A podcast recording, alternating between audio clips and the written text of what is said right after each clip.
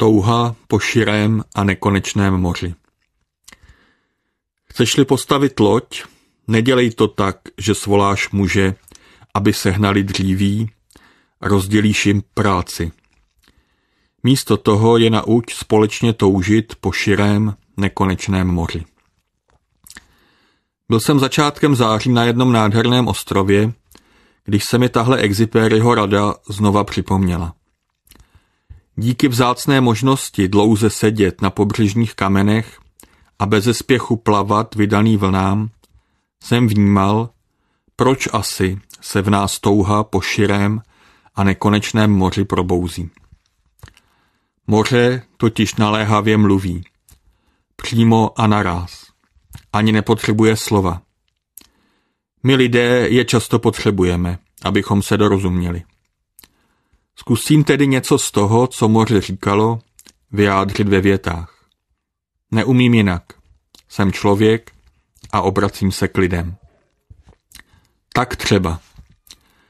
Dobrý lodivod na každé z proplouvajících lodí je prozíravý ve volbě cíle plavby i v plánování nejlepší cesty k němu.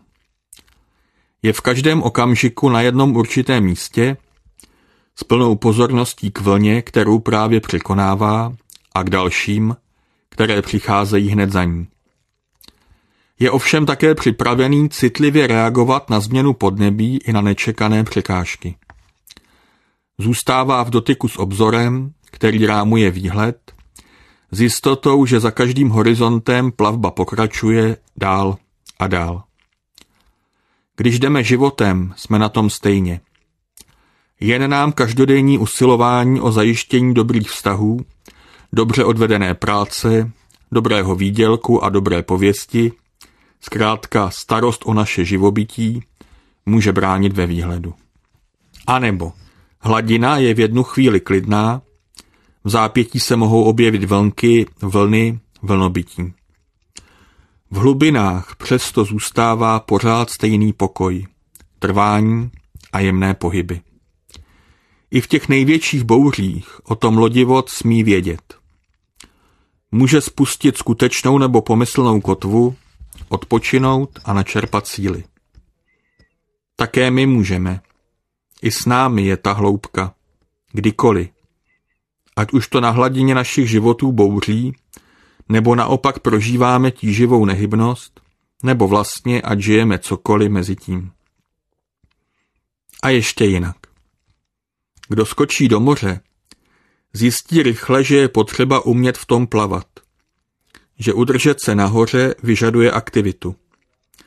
Ovšem, když se plavec úplně sklidní a uvolněně se položí na hladinu, nese ho voda sama. Přichází důvěra, že i nad propastnou hloubkou je možné se vznášet. Plavat sám daleko od břehu je závratné. Je v tom opuštěnost a vydanost, nebezpečí a oddělenost. V tu samou chvíli mě vody spojují se všemi břehy i tím, co je za nimi. Stávám se součástí rozlehlosti, hloubky i výšky, všeho, co je nekonečně větší než já ve své samotě. Pořád znova a dál se každý den učíme novým tempům i důvěře, že se někdy můžeme nechat jen tak nadnášet, že v tom nejsme sami. Když se řekne k moři, nám středoevropanům často naskočí na dovolenou. I to sem patří. Pláže a slunečníky a zmrzlina – Idylka dovolenkového pobřeží je ale v něčem klamná. V tom též moři, na jehož jednom břehu se někdo rekreuje, pravděpodobně někdo právě teď bloudí, bojí se, bojuje o život. Protiklady se tak zjevují jako vlny.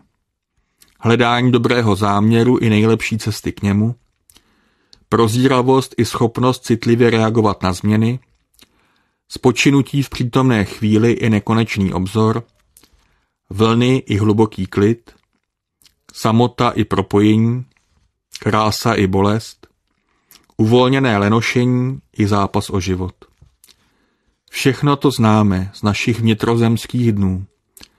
Jen moře anebo také hory, nebo poušť, nebo hluboký les, nebo hluboké nebe, nám pomáhají lépe uvidět a na vlastní kůži prožít. Jsem vděčný, že jsem mohl aspoň pár dnů naslouchat, jak se ve mně touha po širém, nekonečném moři znovu probudila. Bude se v nadcházejícím podzimním stmívání hodit. A myslím, že nejenom mě.